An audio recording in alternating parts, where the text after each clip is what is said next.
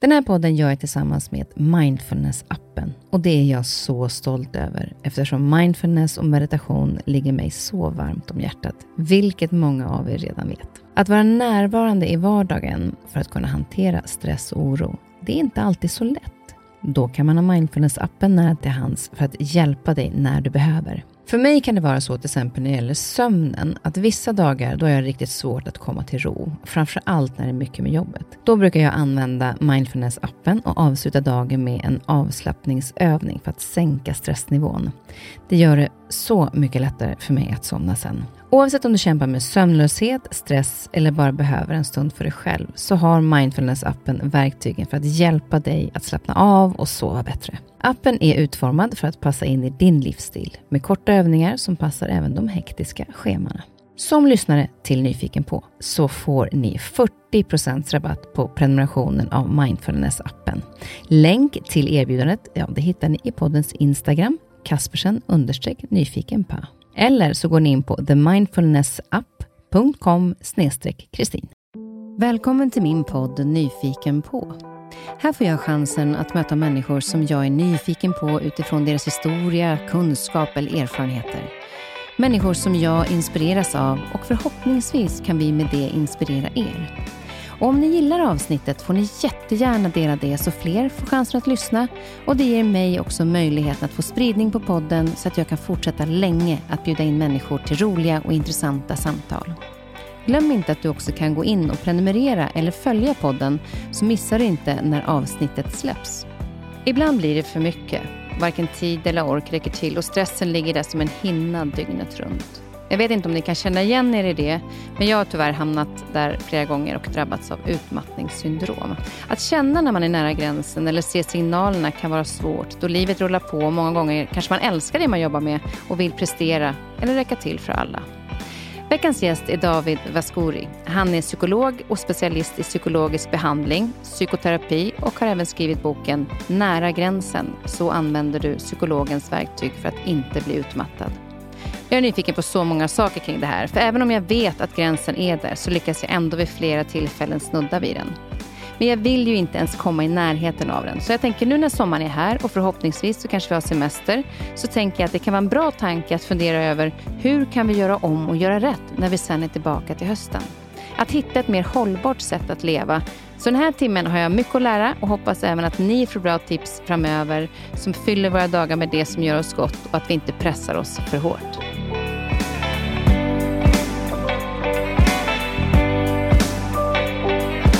Nu har jag dukat upp det, men vi fikar efteråt tänker jag. För det är ja. lite jobbigt att prata ja, ja, med, med, mat i munnen. Med, med mat i munnen. Ja. Men varmt välkommen hit David. Tackar, tackar. Det här är ju så spännande och jag är väldigt glad att du är här. För vi ska ju prata om det här med utmattning som rätt många hamnar i, tyvärr. Och eh, med den boken som du har skrivit så vill du ju förhindra det. Eh, vad, vad, är det som gör att vi, för, alltså, att vi främst hamnar i utmattning? Ja, men själva teorin och anledningen är att vi har något som heter det autonoma nervsystemet. Och då har vi två olika lägen. Ett som heter det sympatiska nervsystemet och det är det här med fight or flight-läget som man kallar det, kamp eller flyktsystemet, som aktiveras när, när man är i en farlig situation. Så till exempel om det skulle komma in ett lejon här, då skulle båda våra sympatiska nervsystem, alltså fight or flight-lägen, triggas igång. Och då skulle vi få stresshormoner, adrenalin och kortisol och sånt där. Men, men meningen är inte att vi ska vara där hela tiden. Utan meningen från början är att vi ska vara där ett litet tag, springa ifrån den här farliga situationen, skydda oss och sen hamnar vi i det här andra lugna systemet. Eh, man kan kalla det för lugn och ro-systemet eller det parasympatiska systemet. Och då har vi den här balansen och då blir man inte utmattad. Men det som händer vid utmattning är att vi är för mycket i det där spring ifrån farliga djurläget. Och är man det under flera månader eller liksom år då blir, då blir det för mycket för hjärnan till slut. Och då börjar man få de här symptomen. Trötthet, och minnesproblem, och koncentrationsproblem och lätt irritation och kravkänslighet och sömnsvårigheter och allt det där som ingår i en utmattning. Men, men, kort och gott så handlar det mycket om att man är för mycket i det ena systemet och man får inte tillräckligt med vila och återhämtning som man egentligen skulle behöva. Mm. Så det, det, är det det handlar om. Men du sa att man, om man är i det i flera år, är det så att det liksom tar några år innan du hamnar i det? Det behöver inte ta flera år. Om man kollar på kriterierna för utmattningssyndrom så står det sex månaders stress. Så har man sex månaders ökad stress plus de här symptomen som jag sa i två veckor, och att de där symptomen går ut över ens fungerande tillräckligt mycket. Så att man kanske märker på jobbet att man funkar inte som vanligt eller man, man kanske är extra sur hemma så att, så att man förstör sina relationer. Men när det börjar bli konsekvenser, bockar man av de tre delarna så att säga, då, då kallar man det för utmattningssyndrom. Sen har jag träffat personer som har stressat under ett par månader och har, har sådana symptom. Och då kanske de inte skulle enligt kriterierna uppfylla just den diagnosen, men de är ändå på väg dit, så att mm. säga. Så att det behöver inte ta så lång tid att känna av det här, så att säga. Nej, för eh, jag har ju själv drabbats då, eh, ett par gånger av utmattning och eh, kan ju säga att jag har ju haft väldigt roliga jobb och väldigt aktiv och tycker att allting är superkul och gärna drar på. Tills det liksom är för sent. Och det tycker jag är där svårigheten i att jag såg inga symptom eftersom det är inte bara det att det är stressfullt på ett negativt sätt, utan det har varit stress på ett positivt sätt, men jag har ändå hamnat där. Mm. Hur, hur vanligt är det? Nej, men det är supervanligt, för att saken är att när man är stressad så behöver man inte må dåligt. Det kan vara kul om man kan vara stressad. Och det finns ju det här med, alltså det finns en positiv stress och det är när man känner sig stimulerad och man tycker att något är kul. Så det, det, finns en viss stress som man har varje dag och som är positiv. Men den övergår till negativ när man då inte får in återhämtningen. Man kör på för många timmar i sträck, för många dagar i sträck. Man saknar stöd. Till exempel om man, man är i ett arbete så, och har för mycket så har man ingen man kan fråga hjälp om. till exempel. Man känner sig ensam i det där. Och man saknar kontroll. Och kontroll innebär helt enkelt att man känner att ja, jag kommer fixa det här. Jag vet ungefär hur min vecka ser ut. Eh, ibland kan det vara så när man inte har kontroll att, att det är alldeles för mycket. Det kommer, man ska släcka bränder hela tiden. Det kommer nya saker. Man, man tror inte att man kommer kunna lösa det. Så att det finns en positiv, men den kan övergå då till en negativ om man saknar de här tre delarna av stöd, kontroll och, eh, och återhämtningsbiten. Och, och, man brukar också säga att just att det finns en fara i stressen för att när man har de här stresshormonerna, kortisol, adrenalin och allt det där, då blir man lite av en supermänniska för stunden. Man kan känna så här att ja, men jag fixar hur mycket som helst. Det, det, det, finns inga gränser. Just för att det är det de här stresshormonerna gör med en. Och det är för att man ska klara av de här farliga situationerna. Så då känner man mindre hunger, man känner sig kanske extra skärpt, man till och med känner mindre smärta för stunden. Eh, immunförsvaret blir bättre för stunden har man sett. Så det finns liksom en tid då allting är extra bra. Men till slut så tömmer man de där depåerna om man då inte får den här återhämtningen. Och så blir det tvärtom. Då blir man extra mycket sjuk, man blir extra trött, man känner extra mycket smärta, man blir extra känslig och kravkänslig och allting. Men, men, men, men svårigheten är ju att se ja. när återhämtningen behövs. För att, ja. för att det är också det systemet ja. gör ju att jag kickas ja. igång så mycket. Så jag tycker inte att det känns som att jag behöver någon Exakt. återhämtning. Nej, Allting precis. är ju superkul. Nej, men precis, precis, jag förstår vad du menar. Och det är därför vi pratar så mycket om, bland annat i boken, men, men när man pratar om stress generellt, att ha de här rutinerna. Att man har jag pratar mycket om energiglaset i boken. Att man kan, man kan göra två saker. Ett, att fylla på energiglaset och ett, att begränsa hur mycket som tar från energiglaset. Och om man hela tiden har en bra rutin med att fylla på energiglaset, att man tänker så här, ah, varje timme så tar jag en paus, på lunchen då, då jobbar jag inte, jag tar bort mobilen. Efter en viss tid så kanske man, man slutar jobba. Om, om man får till den där rutinen av vad som fyller på energiglaset så är det mindre risk att det blir tomt, så att säga. Så att det är en sån här grej man kan tänka att även om det är kul så ska man inte skippa den där pausen. Eller även om det är kul så ska man ändå gå och lägga sig. Och det är de här små korta pauserna gör större skillnad än vad man tror kanske? Precis, man säger ju att sömnen är nummer ett återhämtning, så det är den allra viktigaste. Men sen är det också återhämtning under dagen. Och då är det pauser, gärna varje timme om man kan. Det behöver inte vara 20 minuter, det kan vara 5 minuter.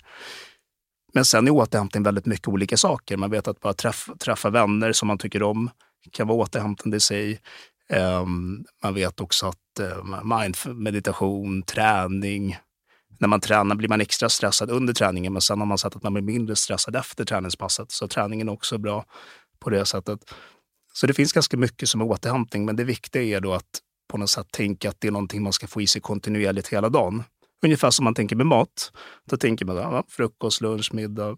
Man tänker inte säga äter när jag har lust för det mesta. Där man, då har man sina rutiner. Och lite samma med det här, att man får in sina återhämtningsrutiner som står där hela tiden. Inte att man gör det när man har lust, utan mer att det är bestämt från början. så att säga. Just då, mer lägga in det som en typ en livsstil. Precis. För det, för det är också någonting som, eh, som jag har tänkt på, att, att när, när den här återhämtningen, de här korta återhämtningspauserna, är ju så mycket värt. För hur lång tid är återhämtningen om du väl har drabbats av utmattning? Nej, men precis, jag, jag tror att du är helt inne på, så där tänker jag också. Just att man får tänka lite att det är ett maraton. Men man kommer jobba ganska många år, eh, förhoppningsvis.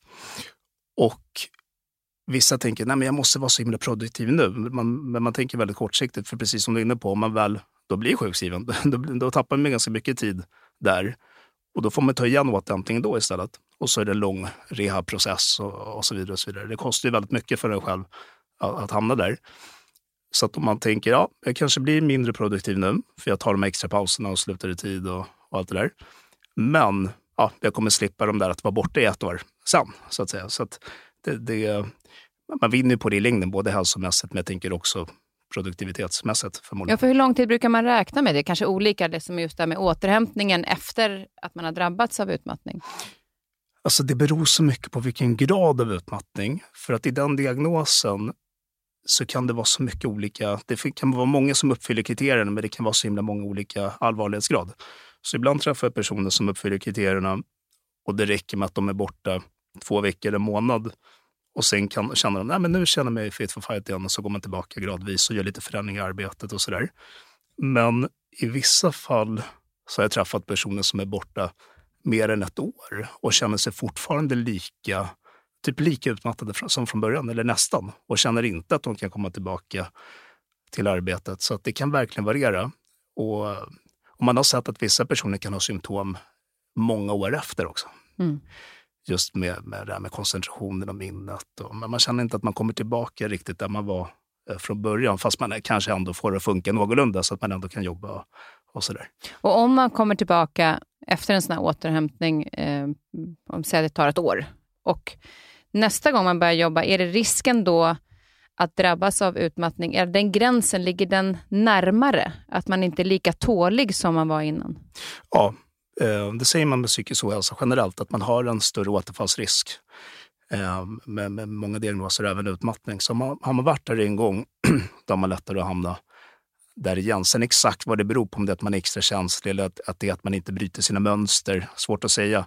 För det som händer med många personer är att de tar det här på allvar just då. För att man, man nådde en botten, man känner oj, dit vill jag aldrig mer, där, där vill jag aldrig mer hamna för jag mår så himla dåligt. Men sen rehabiliterar man sig, man kommer tillbaka och sen börjar man känna sig normal igen och så börjar man ta på sig saker igen. Och sen glömmer man allt det där som man pratade om med återhämtning kanske i början och allt det där. Och så är man inne i samma karusell så att man, och, och, och sen når man den där botten igen då, så att säga, efter, efter ett tag. För det är så otroligt lätt att tappa rutiner. För jag menar, vi är ju alltså, människor generellt känslostyrda varelser. Så som du var inne på, om något är kul eller kan ge kortsiktiga belöningar, då är det starkare än den här andra sidan som säger ja, du borde vila nu. Det är svårt att tänka ja, jag ska vila nu när man är inne i något kul. Så att säga. Så att det är verkligen att man måste prioritera om och tänka att det här är lite resten av mitt liv. Och det låter ganska så dramatiskt och stort på något sätt att tänka så. Men, men vill man ändra beteendemönster så måste man nästan tänka så här. Jag ska tänka på det här varje dag resten av mitt liv och ta det här på allvar och lägga återhämtningen som nummer ett före det andra. Då. Kortsiktiga belöningar, prestation då, och, och allt det där som det ger. så att säga. Mm. Och det är inte helt lätt. Nej, det är inte det. Och många, många som är då presterare eh, vill ju väldigt mycket. Och eh, Upplevelsen, tycker jag i alla fall, under en period var ju så att om man sa att jag behöver vila, då kände man sig nästan lat. Mm. Men det handlar ju inte om att vara lat, utan det handlar ju någonstans om att också ta ansvar för att kunna prestera sen. Nej, men precis, för just det där med att vara lat, det kallar man, om man ska tänka KBT-språk, etikettering, liksom att man, man, man kallar sig själv för något negativt. Och det är väldigt många personer som, som stressar mycket som, som associerar återhämtning med något negativt. Precis som du är inne på, att man är lat. Man är inte produktiv. Man, man har en, en bild av att ska man ha ett bra liv eller att man ska vara en bra människa, då ska man liksom maxa och man ska fylla sin tid med jättemånga produktiva saker. Man ska hinna med väldigt mycket och, och göra väldigt bra ifrån sig. Och, och så där. Och då tänker man, aha, ska jag sitta där? Vad får jag ut av det? Men det handlar där om att tänka om. Liksom att, jo, produktivitet är bra och det är inte dåligt att uppnå mål och, och så där. Det är klart att det, man mår bra av det och det är kul och det behövs. Men vi får inte nedvärdera att hjärnan behöver vila. det, det behöver man liksom ändra förhållningssätt till och tänka att Nej, man är inte lat. Och det där är ju en sån här grej som man inte lär sina barn ofta. För ofta är det mer ja, men att man vill att barnen ska lyckas och man pratar om utbildning och jobb och prestationer. Men man glömmer bort ofta den här återhämtningsbiten, så vi har aldrig fått höra det ens. Man har fått höra att ja, det är bra att borsta tänderna och det är bra liksom, ja. att, att få in frukost, lunch, middag. Men vi har inte fått höra ja, men tar du dina återhämtningspauser där? Så, så det är inte så konstigt att vi inte vet om det, för vi har aldrig, vi har aldrig, vi har aldrig fått det tidigare. Nej, och i skolan så sitter man och jobbar hjärnet i skolan och sen har man också läxor när man kommer hem. Så tiden för återhämtning är ju ganska knapp redan mm, där. Exakt. Ehm, så det blir ju nästan långa, det blir långa arbetsdagar redan från början, så att säga. Precis, men barnen har det verkligen tufft på det sättet. Att man, man sitter många timmar, sen kommer man hem och när man tänker att man kanske skulle då få någon sorts återhämtning så ska man sitta där med någon läxa på kvällen. Och det blir både en stress för barnen och också för föräldrarna som då ska tjata eller sitta bredvid. Och de har jobbat hela dagen och skulle också behöva återhämtning. Så sitter man där och, och liksom med kravfyllda aktiviteter även på kvällen. Sådär. Mm. Mm. Men kan man se vilka typer av personligheter som drabbas av det här? Alltså jag tänker så här, presterare, föräldrar, eh, ADHD. Alltså så här, mm. mm. Kan man, kan man se de grupperna? Mm. Nej, men som jag har förstått det så är ADHD överrepresenterat. För det ingår i diagnosen just det här att det ingår att man är hyperaktiv och impulsiv, alltså att man hoppar på saker utan att tänka långsiktigt. Och hyperaktiviteten gör att man är igång mycket. Eh, och även det med brist med struktur kan också ställa till det, för då blir det svårt att få in återhämtningspauser om man känner en brist eh, med det här med schemaläggning och struktur och, de här bitarna. Så, så där, eh, men, men annars också personer, om man tänker i personlighet så brukar man prata om så fem olika faktorer. Det finns en faktor de brukar dras på engelska, den heter agreeableness. Så att om man har högt på det, då är man väldigt så här, vänlig och sympatisk. Man säger ja mycket. Och de personerna riskerar också ofta att, att bli utbrända i och med att man, man, man tar på sig för mycket. Man, man säger ja till arbetsuppgifter, man säger ja till det mesta och så vidare.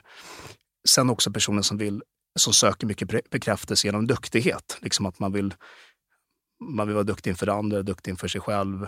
För att när man ska sätta gränser eller få in återhämtning så kräver det att man säger nej. Det kräver att, och då går man ju emot det där. Då blir det en risk att, åh nej, men tänk om de inte tycker om mig eller tänk om de tycker att jag inte är duktig när jag inte får lika mycket gjort.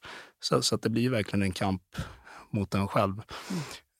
Ja, men vad finns det mer? Duktighet? Och sen, säger, jag vet, när jag gick ledarskapskurs ja. så äh, pratade vi om extern och intern. Mm. Alltså externa personer är de som ber om hjälp det är de som säger, har behov av att höra utifrån att är du nöjd med mitt jobb? Medan de interna är mer så här, vill känna själv att man har gjort ett bra jobb, löser problemen själv utan att besvära andra. Och då pratade man om att den typen av person också lättare drabbas av utmattning. Mm. För att den externa säger ju till när den behöver hjälp. Ja, ja.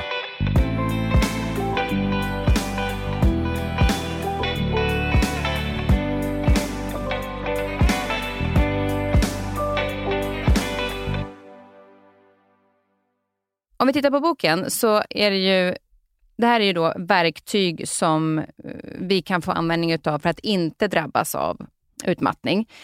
Och du börjar med att prata om det här med grundstenar. Hur skulle du beskriva de här grundstenarna? Vilka är de? Eh, nej men grundstenarna i... Jag, jag tar upp den här livskompassen som jag tycker är väldigt bra i boken. där. Och Den tar upp olika delar som är såna här viktiga tårtbitar som man har sett på gruppnivå som är viktiga för alla människor för att må bra. Och där har vi bland annat relationer, du är en. Och där ingår allt från vänner, kollegor, partner, eh, familjerelationer och så vidare. Sen har vi sysselsättningen, alltså jobb eller plugg, det man gör på dagarna. Sen har vi hälsan och där ingår sömnen som vi var inne på, motionen, kosten, alkoholvanor, meditation, yoga, mindfulness, alltså allt som har med hälsan att göra. Och sen har vi fritidsintressen och, och hobbyn och ja, det man gör på fritiden helt enkelt. Och då har man sett att alla de här tårtbitarna är jätteviktiga att få in. Sen är det olika för olika personer olika viktigt. Är det någon som är väldigt introvert lagd så kanske den inte värdesätter relationen lika mycket som någon som är jätteextrovert. Men den behövs ändå så att säga. Och, och när man gör den där, då ser man ju ganska klart och tydligt hur, ja, men vilka tårtbitar man är mindre nöjd med, vilka man behöver förbättra, vilka som kanske får för mycket utrymme, vilka som får för lite utrymme. Och man kan också jobba med den på andra sätt, just att fråga sig själv, vad vill jag i det här området långsiktigt? Vem vill jag vara? Vad vill jag uppnå? Eh, och, men när man gör den och börjar reflektera så märker man ofta att, att, att man hittar saker där som behöver, som behöver ändras. Ja, alltså Jag började ju skratta när jag läste ja. boken och kom till den här kompassen. Eh, för då tänkte jag att jag, för det är ju jämnt fördelat då när man ser kompassen i boken, och så är, för det har ju övningar egentligen i alla kapitel som man kan få mm, väldigt effektivt. Eh, och, jag, och, när den där kompassen dök upp, då började jag ju skratta, för jag insåg att jag, jag har gjort fel balans såklart. Liksom. Men det blev väldigt tydligt i det. Att, för där, där ska man också då sätta så här, eh, ett för det som inte eh, ger energi och tio för det som är det som verkligen ger en energi. Men också tänkte jag just det att man lägger då, hur mycket tid lägger jag på någonting? Är det någonting som är låg energi eller är det en hög energi? Och då ger det ju verkligen ett tydligt tecken på sånt som jag kanske inte annars hade sett. Mm. Så vikten av att sätta sig ner och skriva ner för att hjälpa sig själv till att hitta rätt balans i livet. Mm. Eh, hur, hur skulle du säga att, att, nu, för jag tänker nu är det sommar och nu kommer vi tillbaka då till, till eh, jobbet till hösten och förhoppningsvis har man lite semester i sommar. Mm. Vad är det som är viktigt att se över just kring den här eh, balansen? För jobba behöver vi ju. Ja, exakt. Men det är kanske så att ibland att jobbet inte ligger så högt på den skalan heller. Mm. mm. Nej, men precis. precis. Nej, men jag skulle säga att ja, men jättebra att tänka framåt så som du säger, just att tänka hösten och liksom tänka framåt. För att det är där man kan göra förändringen. För ofta är det så att man tar på sig de här projekten några månader innan kanske till och med och sen, sen ska man påbörja dem, genomföra dem och sen har man liksom fem, tio stycken parallellt eller vad det nu är. Så, så att tänka framåt är jättebra. Men, men det jag tänker, något som jag också tar upp i boken som hör, hör, hör ihop med livskompassen och balansen, det är att tänka lite veckoschemasbasis. Att, att tänka lite grann, okej okay, de här tårtbitarna som jag får in där, hur får jag in dem i mitt veckoschema helt enkelt. Så här, mellan vilka tider jobbar jag? För precis som du var inne på, vi kan inte välja att inte jobba. Eller de flesta kan inte det i alla fall. Och man kan tänka att måsten borde en krav, det är det som tar energi.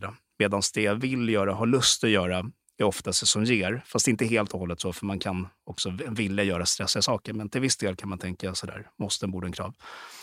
Men om man då har en, en, en dag med mycket Boston Boarding-krav med arbetet och så vidare och eh, tänker, okej, okay, hur får jag in återhämtningen på efteråt? Hur får jag in mitt träningspass eller yogapass eller mindfulness eller promenad eller, eller ringa en vän eller, eller laga någon god mat eller göra någonting.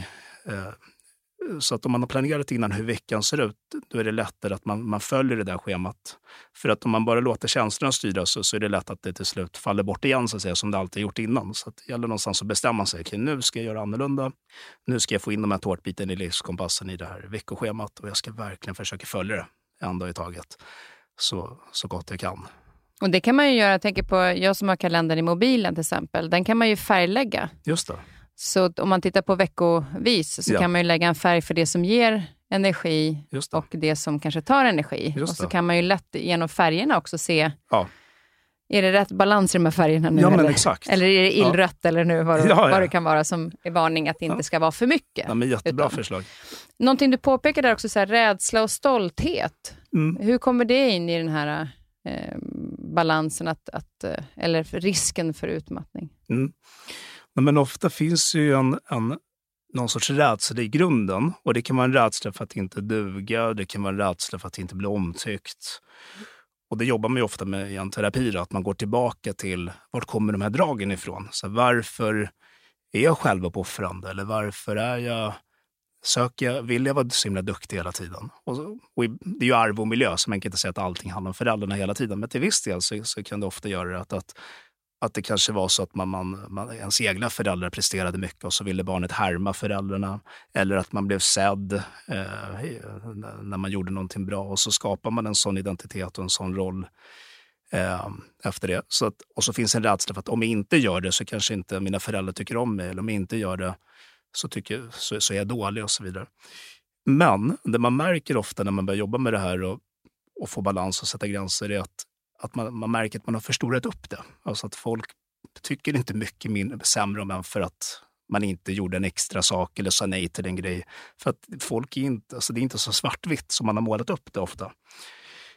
Och ofta får man en bättre respons. Så det handlar mycket om att testa. Våga eh, konfrontera sina rädslor och våga göra de här sakerna som är jobbiga. Men, men det grundar sig ofta i någon, någon typ av rädsla. Sen det här med stolthet Alltså man har ju sett en koppling mellan att få känna sig stolt och självkänsla. Att personer med låg självkänsla tillåter sig inte att, att känna sig stolta över saker. Alltså att Även om någon säger så här, ah, men det där var jättebra. Nej, men så bra var det inte, tänker de. Alltså, det är någon kritisk eh, tanke och man måste alltid göra lite till. Ja, jag kunde ha gjort lite mer, så att säga. Men just att få känna sig stolt och nöjd med det man gjorde. Det måste inte alltid vara en jakt på nästa grej, nästa grej, nästa grej, utan att man får tillåtelse att känna sig stolt och ge sig själv lite cred och fira något bra man har gjort.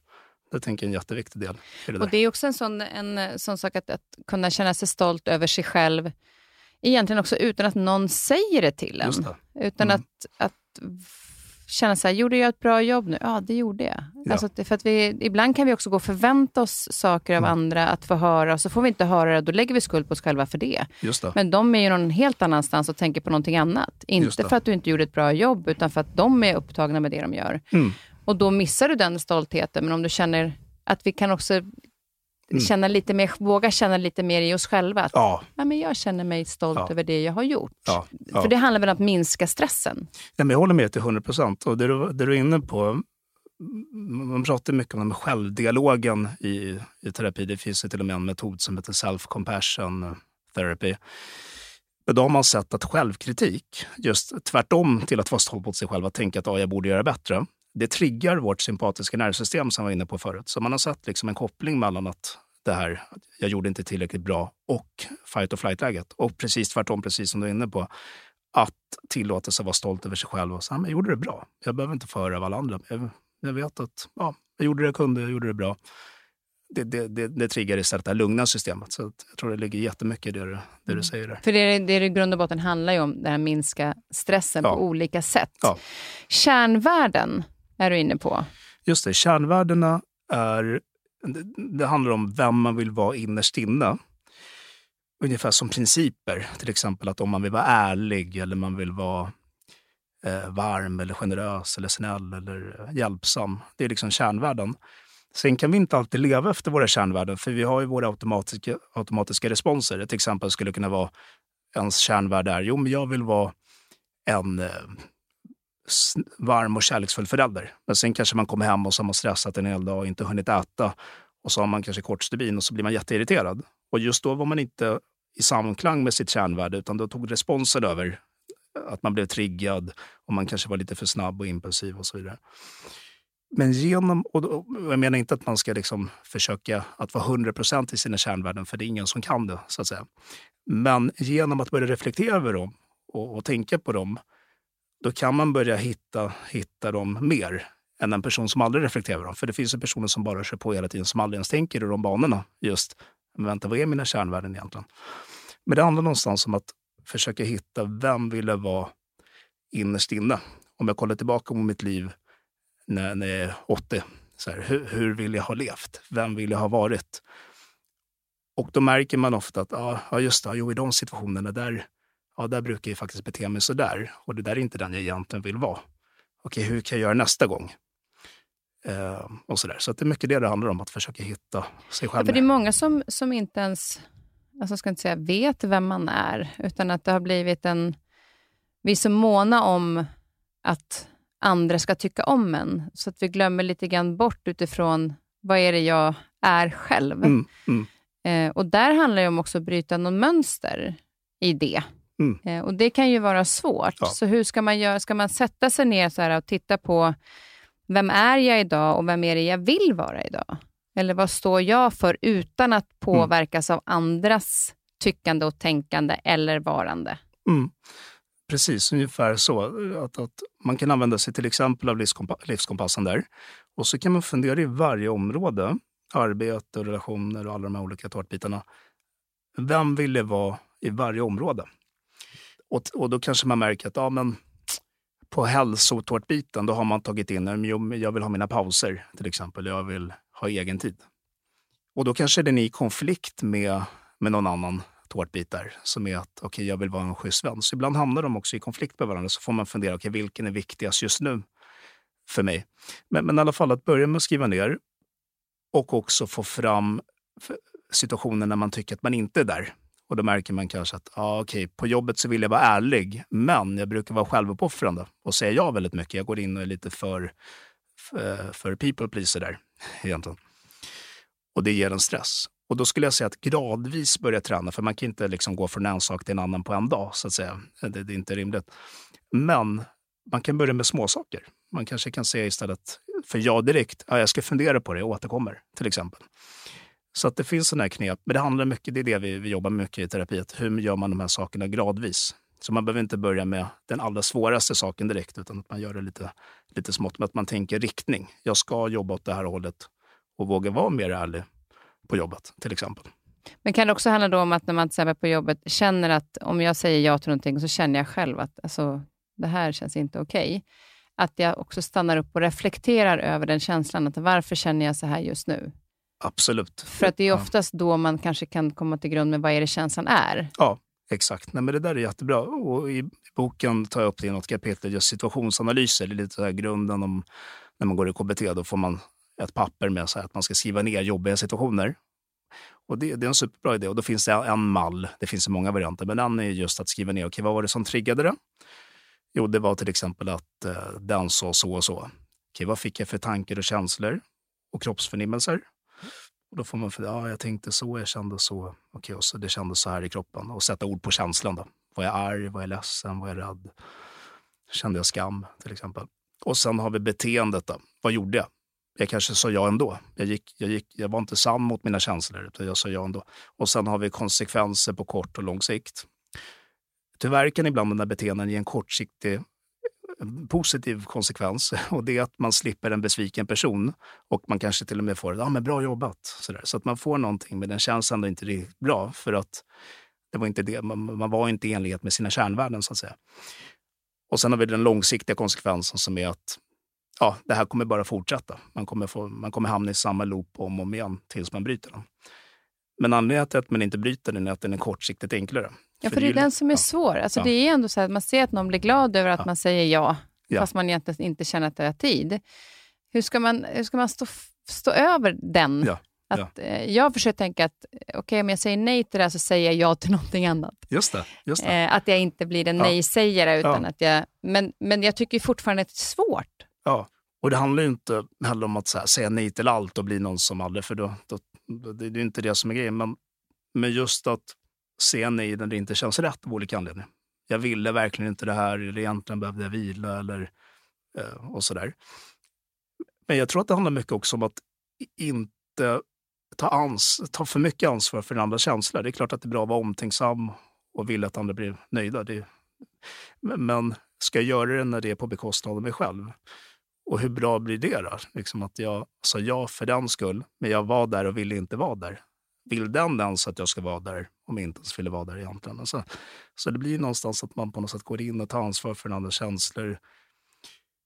Och det blir någon sorts självuppoffring i det där. Men det är en, det är en balansgång. Så, ja, men när är man bara snäll och när blir man självuppoffrande? Det måste man känna i sig själv. Vart, vart går den här gränsen? Så att säga. Och där är också, tycker jag, intressant om, man, om jag skulle fråga någon om hjälp som faktiskt sitter i skiten just då och säger, vet du vad, jag är jätteledsen, men jag hinner inte. Ja. Och då blir jag ju bara glad, vad skönt att de är ärliga ja. gentemot ja. mig. Det. det inbjuder ju mig också att vara ärlig och jag blir ju inte sur på någon. Nej.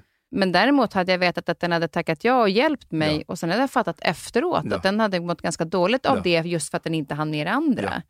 Så det finns ju en ärlighet också som vi kanske ska våga lita på varandra mer. Ja, absolut. jag, tror, tänk, jag tyckte det var lättare att tänka, om jag är ärlig i det här så kanske jag kan inspirera någon annan. Ja. För då blev det på något sätt att jag lurar ja. mig själv till att ja. då är jag ju snäll mot någon annan också. Ja, exakt. Nej, men jag håller med dig. Jag, jag, jag tror verkligen att det ligger mycket i det du säger. Att, och att man har målat upp, man har byggt upp någonting i ens egna tankar. Att man tänker att jag kommer säga nej och den kommer tänka så och så och så.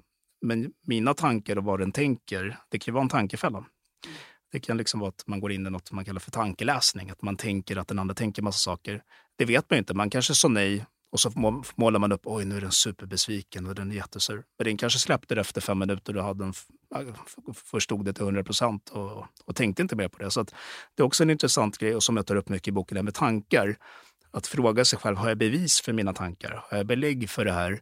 Eller är det föreställningar? Väldigt ofta märker man att när man börjar fråga sig själv, har jag bevis för det här? märker man nej, jag har ju faktiskt inte det. Utan jag, det här är en hypotes, det här är något jag håller på att gissa och hitta på just nu. Jag, men jag tror nästan att det är fakta i stunden, fast det är inte det egentligen. Men där finns det också så att om man då, när man hanterar de här sakerna i det dagliga livet och inte kanske tänka utifrån andras perspektiv utan titta på sin egen, så handlar det också mycket om att hitta en meningsfullhet. Och där kan ju många fråga sig, så här, och det har jag väl gjort, man bara, vad fan är meningen med livet? Liksom? Och, och någonstans, meningen är ju någonting du skapar själv. Väl? Alltså att man skapar en mening med livet och inte väntar in att någon ska... Vad betyder meningsfullhet för sitt välmående? Nej, men meningsfullhet är jätteviktigt för att det är just det här... Eh, eh det finns en gren inom psykologin som heter existentiell eh, terapi som handlar mycket om det här mening med livet och riktning och vem vill jag vara. Och då har man sett just att det här med, att, det här med kärnvärdena är viktigt. Vem vill jag vara? Det skapar en mening att leva i enlighet med kärnvärdena. Men det handlar om att söka hos sig själv i, i den här livskompassen någonstans. Ja, men, vad, vad känns kul och meningsfullt för mig i jobbet? Vem vill jag vara som förälder eller vän? Vem, vad vill jag göra? Men jag, jag är inne på ditt spår också, att, att just att man skapar det själv. Det är ingenting som, jag tror inte att det kommer komma utifrån, utan man får hela tiden söka och känna efter. Ja, vad känns meningsfullt? Vad känns inte meningsfullt? Och, och när man söker det så, så märker man ju skillnad och så får man försöka ta stegen i den, i den riktningen, så att säga. Men det kan också vara svårt tycker jag, för jag är en, eh, ehm, i en, en, period i livet där, där, eh, eller det var för ett år sedan, när jag inte liksom hade något fast jobb. Alltså jag har ju mina små projekt och barnen börjar bli stora, har liksom inget behov av mig på samma sätt. Eh, och plötsligt jag så här, ja, och vad, vad är min mening? Och jag kunde nästan bli stressad över av att känna att jag måste komma på en mening. Mm. Eh, I att känna den här drivkraften framåt som gör att saker och ting blir kul. Ja. Och då är det, risken är, är den då stor att man tittar på de stora frågorna? Mm. Att istället för kanske ja, men lära mig virka eller ja. hitta någonting annat på vägen. Liksom. Ja. Att man ställer för höga krav på sig själv att hitta en mening. Nej, men jag förstår vad du menar och jag tror att att det behöver inte vara de stora sakerna. Men om vi går in på det första du sa, där, där är ju en klassiker just att barnen blir lite äldre. Och, och det har ju varit väldigt meningsfullt såklart att vara förälder. Det känns extremt meningsfullt att, liksom att, att uppfostra sina barn och vara med dem och leka med dem och, och allt det där. Och sen kanske de, får, de blir äldre och så får de mer ett eget liv. Och, och sen blir det så här, oj, ja, det vart ett tomrum här. Vad, vad, vad ska jag fylla det med det nu? Och att då att försöka forcera fram någonting. Ja, men nu ska jag hitta någonting som känns så himla meningsfullt och kul och spännande. Det är inte, det är inte helt säkert att man gör det för stunden. Och då kanske man, man får acceptera att nej, just nu så har inte jag någon stor grej som jag känner jättemycket eh, så här, passion för i livet. Men, men, ändå, som, men ändå försöka gå på det som känns bättre, även om det skulle vara virke. Jag tror, jag tror att det ska vara utifrån en själv, inte utifrån yttre måsten, bord, eller yttre normer, att det ska vara så himla... För då kanske man är inne också i någonting sådär att man, att man blir för omvärldsberoende, så att säga. Jag ska ha, göra någonting som är meningsfullt, inte bara inför mig själv, inte inför alla andra, så att säga. Utan jag, jag tror att det kan vara de där små sakerna också, så länge de känns bra. Ja, och just när det blir så att man blir vuxenförälder, då tror man ju, kanske man upplever först att man inte alltså, har den betydelsen för sina barn. Sen inser man ju att meningsfullheten ligger där fortfarande, även ja. om man inte ses lika mycket. Det är ju ja. bara mer en förändringsprocess. Ja. Och snarare hitta tanken, vi gjorde jag i alla fall, att jag bara så här, förra sommaren, jag bara, en sommar där jag kan göra precis vad jag vill. Just det. Alltså, ah, ja. det här är ju lyx, även om ja. jag såklart egentligen kunde ha varit med dem jämt, men nu ser inte situationen ut så. Nej. Jag bara, gjorde precis vad jag ville. och då blev det ju väldigt bra. Så det var ju på något sätt kanske då en menings Alltså att man hittar ja. olika meningar och bara ändrar ja. tanken. För tankar ja. skriver ju du också om och det har vi pratat om flera gånger jo, jo. i podden. För jo. jösses vad de ställer till det. Precis, och, och, det du sa precis innan där, just att ställa om, det tror jag är superviktigt. Att du kunde på något sätt, att du fastnade inte, åh nu har de flyttat och vad ska jag nu och hamna i något det är synd om mig tänk. Eller, för det finns ju personer som i, i sådana förändringar nästan kan bli deprimerade och liksom har svårt att acceptera. Men det där är ju en styrka tänker jag som du har, att, att du har förmågan att kunna ställa om och se fördelarna. Jaha, nej men då kan jag göra så här istället. Men som du är inne på, just att det handlar om tankar. Och, och väldigt mycket av problemen kommer ju från tankar. Jag menar, om man tänker ångest och depression. Ångest handlar mycket om tankar framåt, alltså att jag är rädd för saker som ska hända till exempel. Eller vid panikångest så är man rädd för, oj, tänk om den här hjärtklappningen är en hjärtinfarkt. Alltså det är också en tanke, en feltolkning. Och i depression vet man att man har mycket också, inte bara framåt utan också bakåt. Tankar om ältande och, eller att man är dålig, att man känner sig dålig. Eller dåliga, alltså negativa tankar om omvärlden och, och att, att världen är en dålig plats och så vidare. Och då har man också sett att aktivitet är väldigt bra för att förebygga negativa tankar. För att ju mer du gör, och det är ganska logiskt egentligen, men man tänker inte på det när man mår dåligt. Men ju mer du gör, desto, desto mindre tänker du. Så att har du ett schema då, där du aktiverar dig, det kallas för beteendeaktivering i KBT, och de har man sett jättebra stöd för, mot depression bland annat. Att du bara har saker som du ska göra utifrån livskompassen, då, än en gång. Då distraherar du direkt din, ditt sinne så att du uppmärksammar de sakerna. Så att går iväg och börjar... Men det svåra där är att personen som är väldigt långt nere i, i nedstämdhet och depression har svårt att ta det steget för att den tänker nej, det kommer inte bli något kul och de kommer ändå inte tycka om mig. Så att, nej, det är ingen idé att, att gå dit. Men när den väl gör det, då, då brukar de oftast känna sig lite bättre efteråt. Och, och, det är det som till slut gör att man, en del av det som kan få en att komma ur en, en depression. Mm. Sådär. Jag, jag tänker bara så här, just när man är ute och bara man bara rör på sig, att så här, promenera. Att rörelsen gör på något sätt att tankarna, huvudet mm. vilar men kroppen rör sig. Mm. brukar jag säga. Mm. Alltså en känsla mm. ibland i alla fall. Och sen händer det ju så mm. mycket i kroppen mm. att göra saker. Men det är ju just det, men då, när, när det är så pass så bör man ju också kanske be om, alltså så här, söka hjälp. Ja. För att det, ja. det tycker jag också är viktigt att man behöver inte klara allting själv. Nej, utan nej. det viktigaste är väl det att tala om att man behöver hjälp. Ja, ja exakt. Exakt. För det kan ju vara svårt för andra att se. Ja, och det är skamfyllt för många personer just det här att vara, vara sårbar. Om man har varit den här som ska vara stark och tuff och duktig och sen hamnar man i en dipp, oavsett om det är en utmattning eller depression eller vad det är. Att våga berätta det. För då är vi än en gång i det här, vad ska de tänka? Och det finns en skam i det, tråkigt nog, för det är det man behöver göra. Man har ju sett att oavsett om det är en relation, eller om det är med vänner eller om det är en arbetsplats. Just det här att kunna vara transparent och vara sig själv och våga vara sårbar och ha ett förlåtande, bekräftande klimat. Att det, att det är väldigt värdefullt oavsett om det handlar om psykisk ohälsa eller stress på arbetsplatsen. Men, men, just det du är inne på, just det här att, att, våga öppna upp och berätta och vara ärlig, inte ha den här fasaden. Att säga att jo, allting är superbra och sen är man hemma ensam, deprimerad eller vad det är. Utan att nej, men jag behöver hjälp, jag mår inte bra. Liksom att man, man kan sätta ord på det. För då kan ju också andra faktiskt börja hjälpa en och att man kan ta emot den hjälpen. Och, och, sådär. och kan det vara så att bara man tar det steget så har man ju vänt, vänt på det, alltså spiralen, att den inte går neråt, utan om man tar steget och ber om hjälp så har man ju gjort ett enormt stort steg, Verkligen. men också att slippa känna att jag behöver inte bära det här bara. Absolut, det är ofta det som är vändpunkten. Man har ju sett till exempel att i terapi, när folk Ibland börjar folk må bättre bara de har bokat en tid, alltså innan de ens har kommit hit. Och jag tänker att det är lite det du är inne på, just att nej men nu har jag faktiskt sökt hjälp. Jag har, jag har berättat att jag behöver hjälp och jag vet att det är någonting som förhoppningsvis kommer kunna hjälpa mig. Och redan där så har man börjat söka lösningar istället för att vara i det här mörka, hopplösa, liksom att allting, det kommer aldrig bli bra. Just det jag tänker att till att nej men det finns ljus i tunneln. Och också det här, jag tar steg framåt. Jag, jag, är inte liksom fast i det här, utan jag kan ta steg framåt för att försöka ta mig ur det här. Så ofta kan det vara en vändpunkt, precis som det.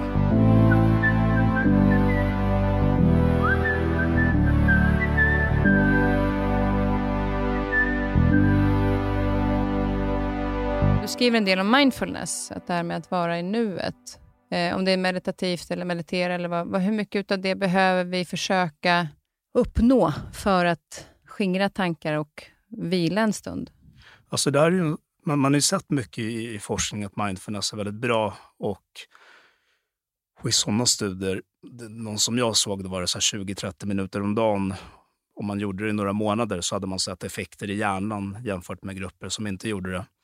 Men sen är det svårt för, vissa, alltså för många att ta sig den tiden att göra det 20-30. Men jag tänker att om man åtminstone gör det 5-10 så är det ändå någonting. 5-10 minuter om dagen. Och det finns jättebra appar för det. Och det finns Youtube-klipp. Men, men, att det är viktigt, det, det skulle jag absolut säga att det är. Och det handlar ju mycket om att Alltså det man gör när man tränar på mindfulness är att man tränar på att rikta sin uppmärksamhet på olika saker i nuet. För som vi var inne på tidigare, just det här med att när man mår dåligt så fastnar man mycket i ta negativa tankar. Framtidstankar eller ja, olika negativa tankar. Men i mindfulness, då tränar man, på, tränar man på att kunna skifta fokus. Så att då går man från de negativa tankarna till hur, hur är min andning just nu? Eller till exempel, hur känns det i kroppen just nu? Är jag spänd någonstans? Hör jag några ljud just nu? Så att det är någonting man aldrig gör annars i livet, just att träna på att rikta om uppmärksamheten nästan som en strålkastare på olika saker. Och då har man sett att just den förmågan att kunna skifta fokus, det är den som också hjälper oss mot psykisk ohälsa. För det där är ju, tycker jag är super. Jag har ju då ADHD, så för mig att sitta, sitta ner tio minuter och liksom försöka... Ja. Jag får ju jobba rätt hårt och jag tror att ja. det är det som också att jag...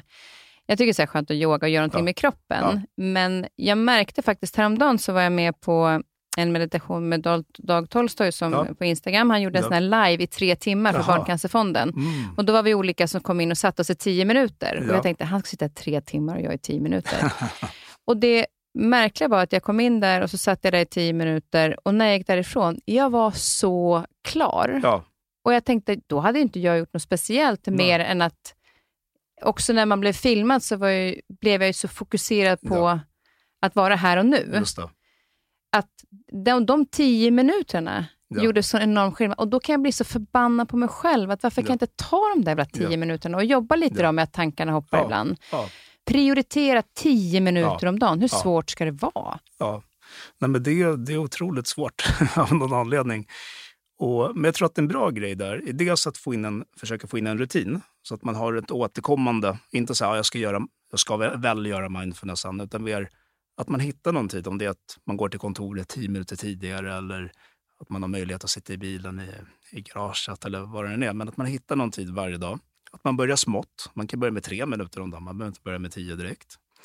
Att man gärna har kanske en påminnelse i mobilen. Mindfulness klockan 7.50 om man börjar klockan 8 till exempel. Och att man har bestämt sig, man har visualiserat det. Ja, jag ska sitta där varje dag och det är det jag kommer göra. Man har förberett sig så att säga.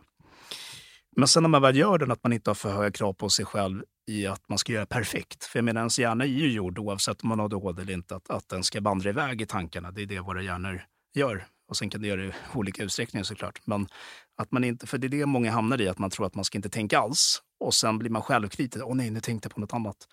Men att ge sig själv cred, även om det var ett sånt mindfulness-pass, när man inte hängde med alls, vi säger att man kör en så vägledd mindfulness, då kanske man sitter och tänker på annat i tre minuter.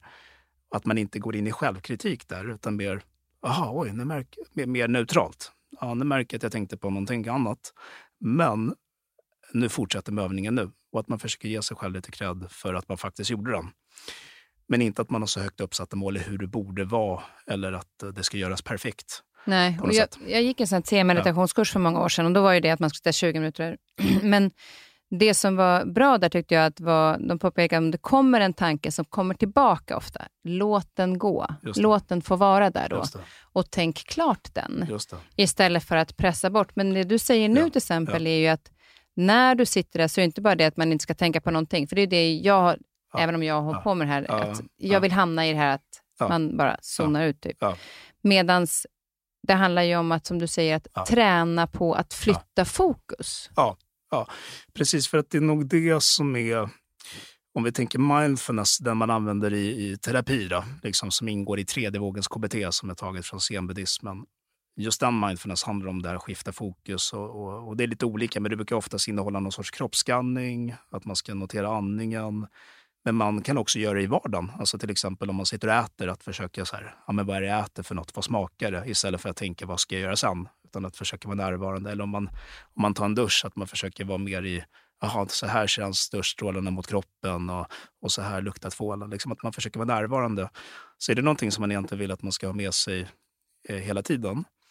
Men, men, det finns ju många olika typer av meditation och jag är ingen expert på det. Så jag, jag, vet inte exakt vad, vad de andra varianterna säger. Så men, men, just att mindfulness, då är det det här fokusskiftes. Men det är någonstans också det här att vara närvarande i det man gör, som du säger. Vi har tidigare pratat i, i tidigare poddavsnitt om det här med hjärnan och olika hormoner som utsöndras och substanser. Och då är det också oxytocinet till exempel, som när man känner den här värmen mot kroppen eller när man schamponerar håret istället då för att tänka på någonting annat, så kan du faktiskt känna vad skönt det är när jag masserar hårbotten. Ja, ja. Att dels är du närvarande ja, och dels ökar ja. oxytocinet som sträcker då stresshormonen. Precis, och jag tänkte på det när du sa förut att du satt med eh, den här stunden där när du gjorde den här meditationen och att du kände dig klarare efteråt. Och då tänkte jag att en av faktorerna kan ju vara mycket det att du skulle göra en sak bara istället för multitaska. För att men i det vanliga livet så är det mycket multitasking. Man kanske är på väg någonstans och så kollar man mobilen och så gör man det och så gör man det.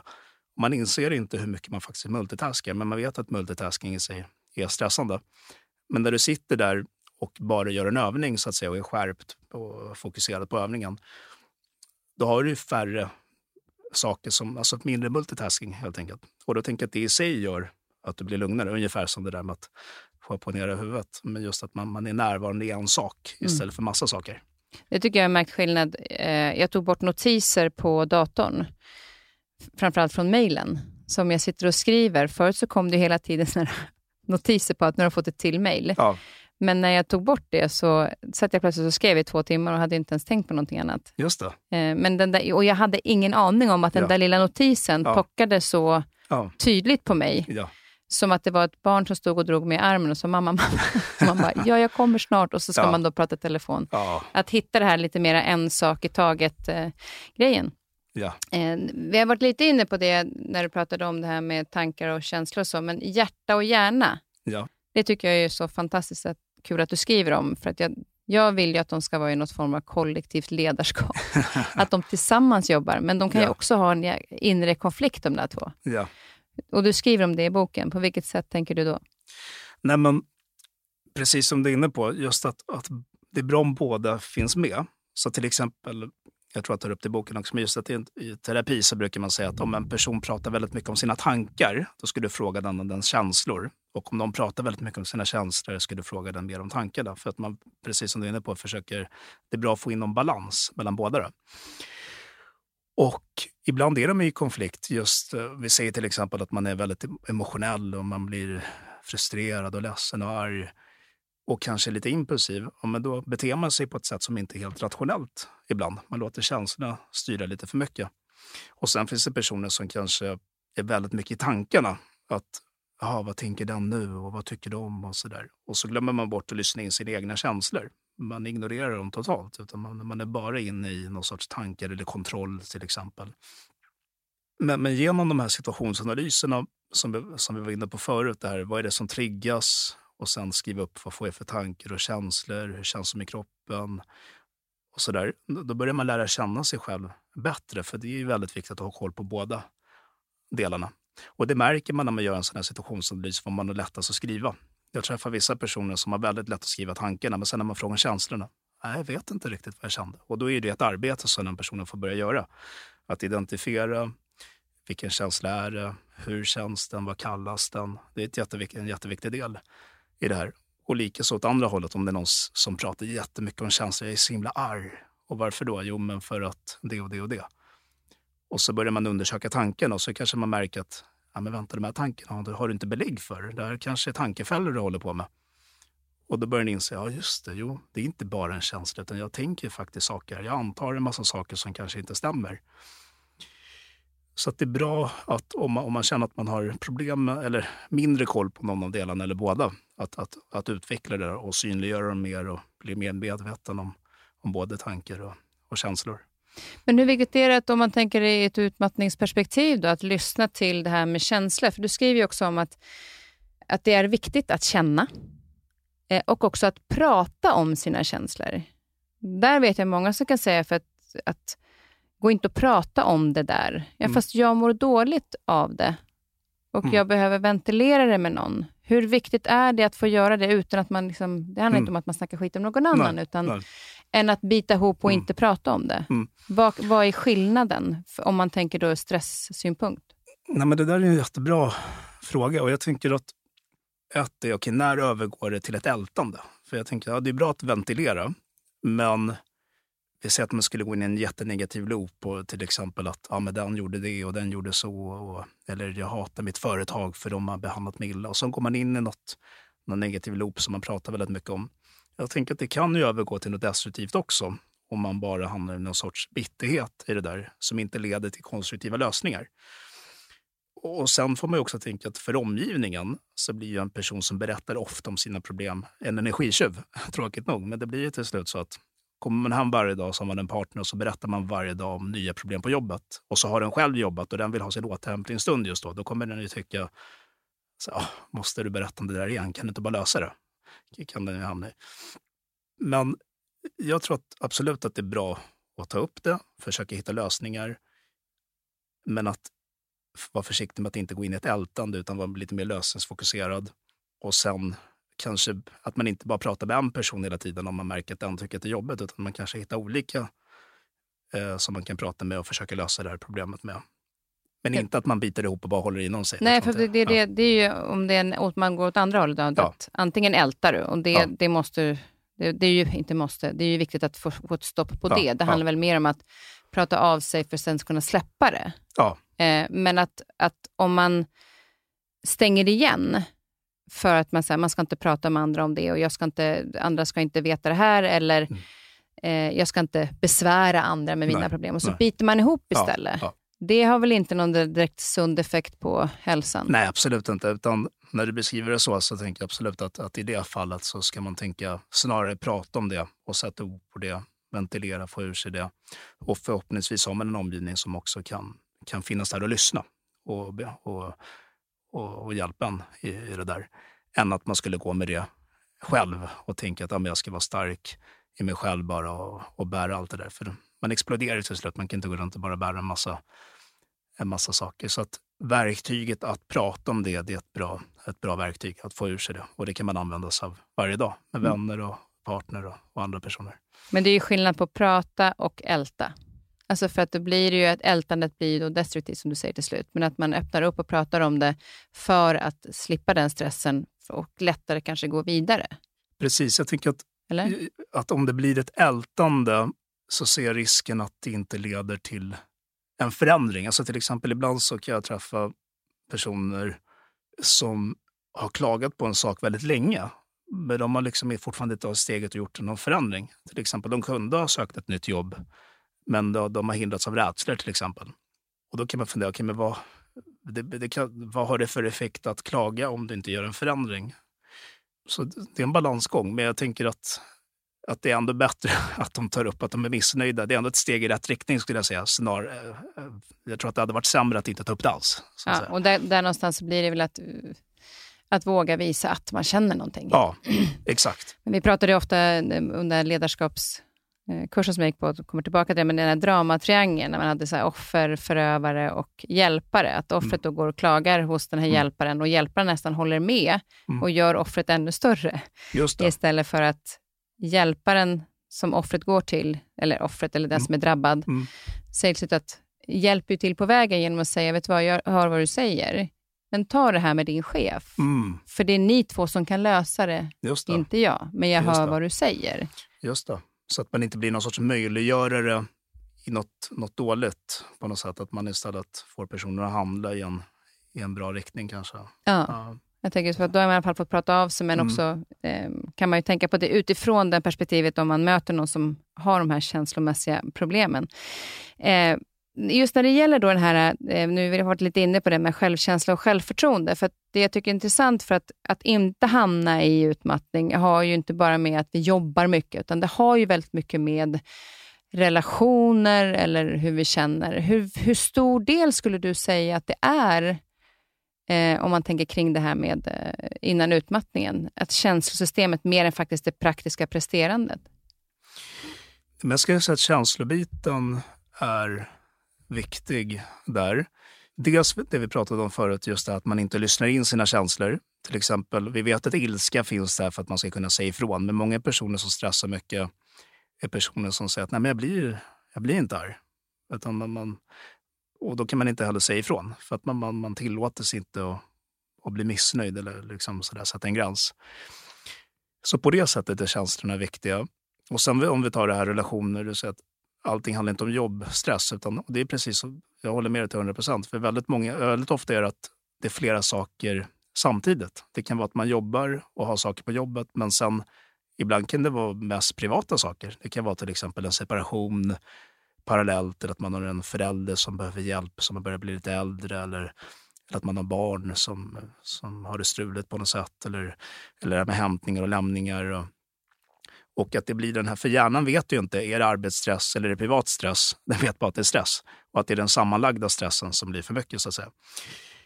Och, och man kan ta in känslobiten fler, på flera sätt där. Dels det här med att man inte har lyssnat in sina känslor tillräckligt i stress och bara kört på istället för att lyssna in och sätta gränser och vara sann mot sig själv.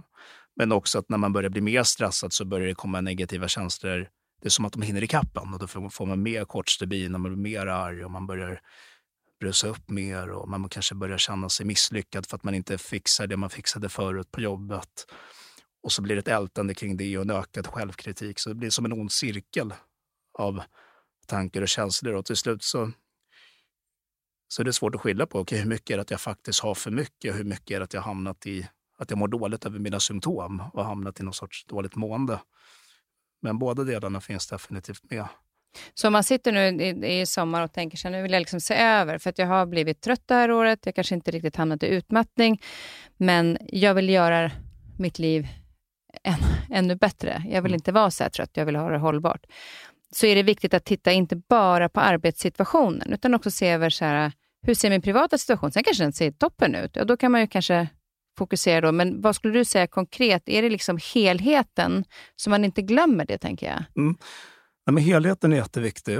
Och det behöver inte ens vara att man har problem hemma, utan det kan vara att man aldrig tillåter sig återhämta sig. Det kan vara personer som kommer hem och så är de alltid i rörelse. De kan inte ligga och slappna av och bara läsa en bok i en kvart eller ta det lugnt i en kvart, utan det är alltid någonting mer. Är det inte mobilen så är det något projekt eller så ska man flytta på någonting. Eller så, ska man så att om jag ska säga det konkreta mest viktiga, det är så här, hur många timmar eller minuter per dag får jag in av sånt som inte är att jag är igång med saker som tar energi. Mm.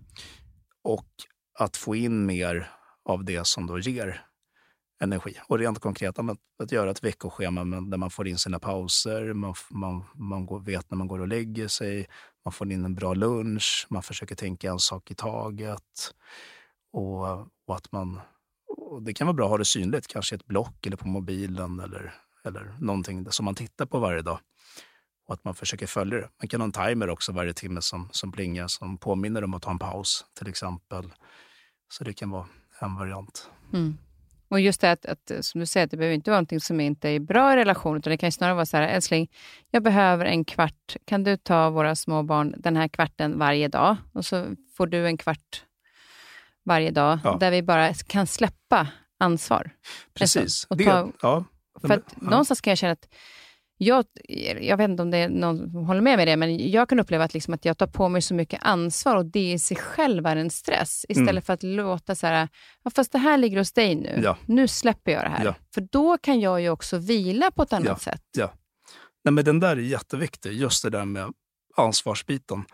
Det har man också sett just med man, man, man, har ju kommit fram till att att kvinnor har dubbelstress. Man såg i någon, någon studie att, liksom att, att män stress, hade en stresstopp på dagen men sen gick det ner på kvällen när de kom hem. Men att kvinnor hade både på dagen och sen på kvällen just för ansvaret.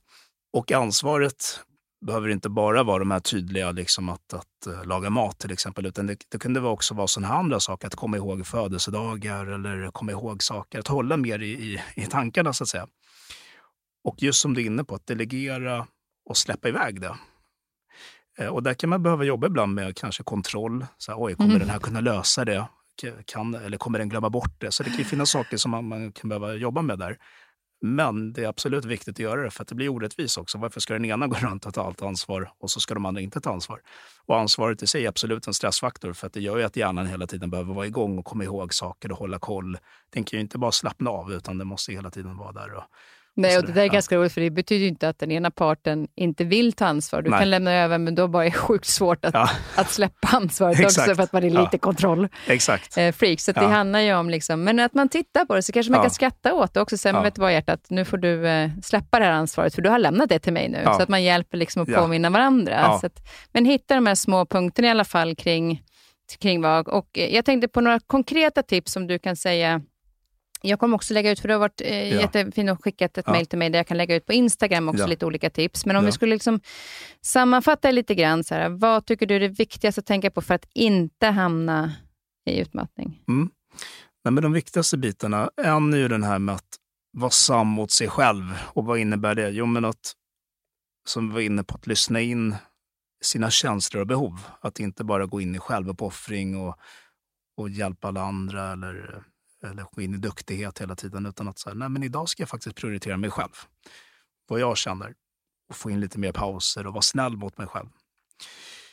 Eh, inte bara köra på som en maskin, liksom, utan mer så här, eh, ta hand om sig själv och, och låta sin hjärna få återhämtning. Det är en. En annan viktig var ju sömnen. Alltså att verkligen tänka att när man har, när man har kollat, forskat på det så har man sett att sömnen är nummer ett återhämtningen som vi var inne på. Så att verkligen försöka tänka varva ner på kvällen så att man får sina timmar och, och prioritera dem. Ibland hamnar ju folk i det här kortsiktiga, att man säger att jag vill bara kolla på lite mer Netflix. och sen, mm. För att det är klart, kortsiktigt så är det roligare. Men så tappar man kanske en eller två timmar. Och över tid så blir inte det så bra heller för, för, för återhämtningen och för hjärnan. Så den är också viktig. Sen var det det här med eh, veckoschemat. Eh, liksom att tänka plus och minus och pauser. och eh, Att försöka få in pauser varje timme och försöka tänka att inte multitaska, utan en aktivitet i, i taget. taget, så att säga. Mm. Och där har vi, det här har vi liksom några, några grund och också det här med, med uh, att titta över så här, känslosystemet. Vad är det? Är det, är det? Det är inte bara jobbet kanske, utan titta helheten, helheten. generellt för Precis. att det ska ge effekt. Och då kanske man inte heller behöver rycka lika mycket i allting Nej. heller. Nej. Allt, den stora förändringen behöver inte ligga i jobbet, utan det kan vara lite förändringar där ja. och lite förändringar hemma eller i mitt privatliv, privata ja. liv. Ja. så ger en större skillnad. Exakt, och just uh, livskompassen som vi var inne på från början den var också jätteviktig. Och där får vi in helheten som du är inne på. Just jobbet, relationerna, hälsan och fritiden. Vad är det jag behöver förbättra? Och där finns ju sådana här som, som jag skickade till dig i mejlet, men just att man kan på ett ganska enkelt sätt bara gradera de här områdena i livskompassen 1 till 10. Hur nöjd är jag med dem? Och då märker man rätt fort, ja okej, okay, jag fick bara en trea på, på söndagen. Okej, vad behöver jag göra där? Eller jag fick en bara en femma på vänner. Och jag skulle vilja att det var en åtta faktiskt, för den är viktig. Okej, ja, men då, vad behöver jag göra där? Men för, så, så den är väldigt, väldigt bra också. Alltså det finns jättemånga bra övningar i den här boken och boken heter Nära gränsen, så använder du psykologens verktyg för att inte bli utmattad. Eh, så väldigt mycket kunskap och väldigt mycket att testa sig själv på. Och så fick jag ju skratta lite grann då, för jag kom ju på mig själv. Men det är också det att, att även om jag, och det är det jag kan tycka många gånger, även om jag vet att jag har för mycket nu, så kan jag inte låta bli. Mm. Men det var också skönt att höra att den här kicken som jag får, får jag ju lära mig att hantera. Att luras inte av den, för du behöver också vila.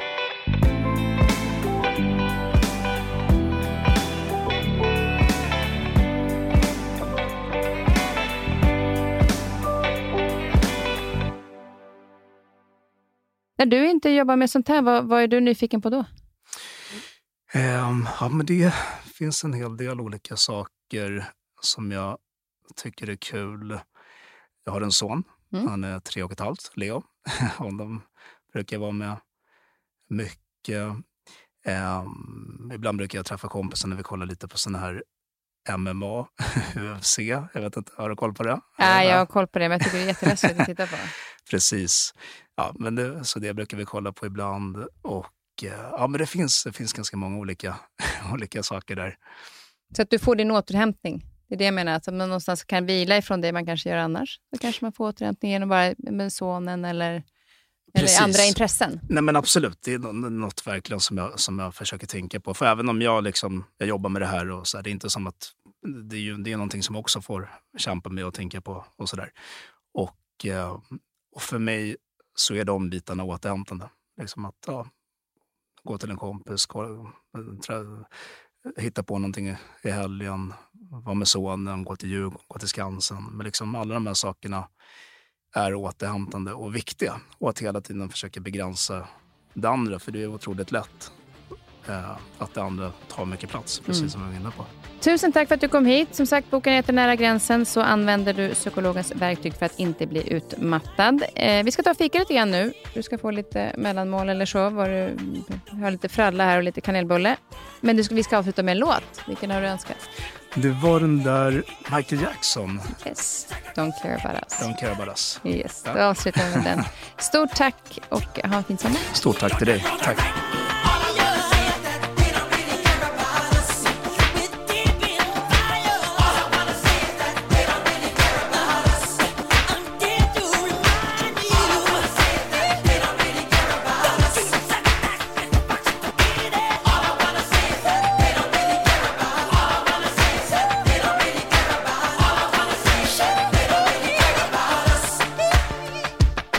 Nästa veckas avsnitt gästar Viktor Frisk podden. Vi pratar om drivkraft, hur han hanterar alla tankar och det som snurrar inombords. Vi pratar också om hur han som vuxen lärt sig att hitta ett förhållningssätt till sin ADHD. Hur gör Viktor för att förvalta sina styrkor och när vet han att han ska ta hjälp med det han är mindre bra på? Vi pratar även om alla hans projekt och om den hälsoresa som han har gjort under våren och som har blivit en ny livsstil. Och vad har den här resan gjort för honom i vardagen? Så missa inte nästa vecka.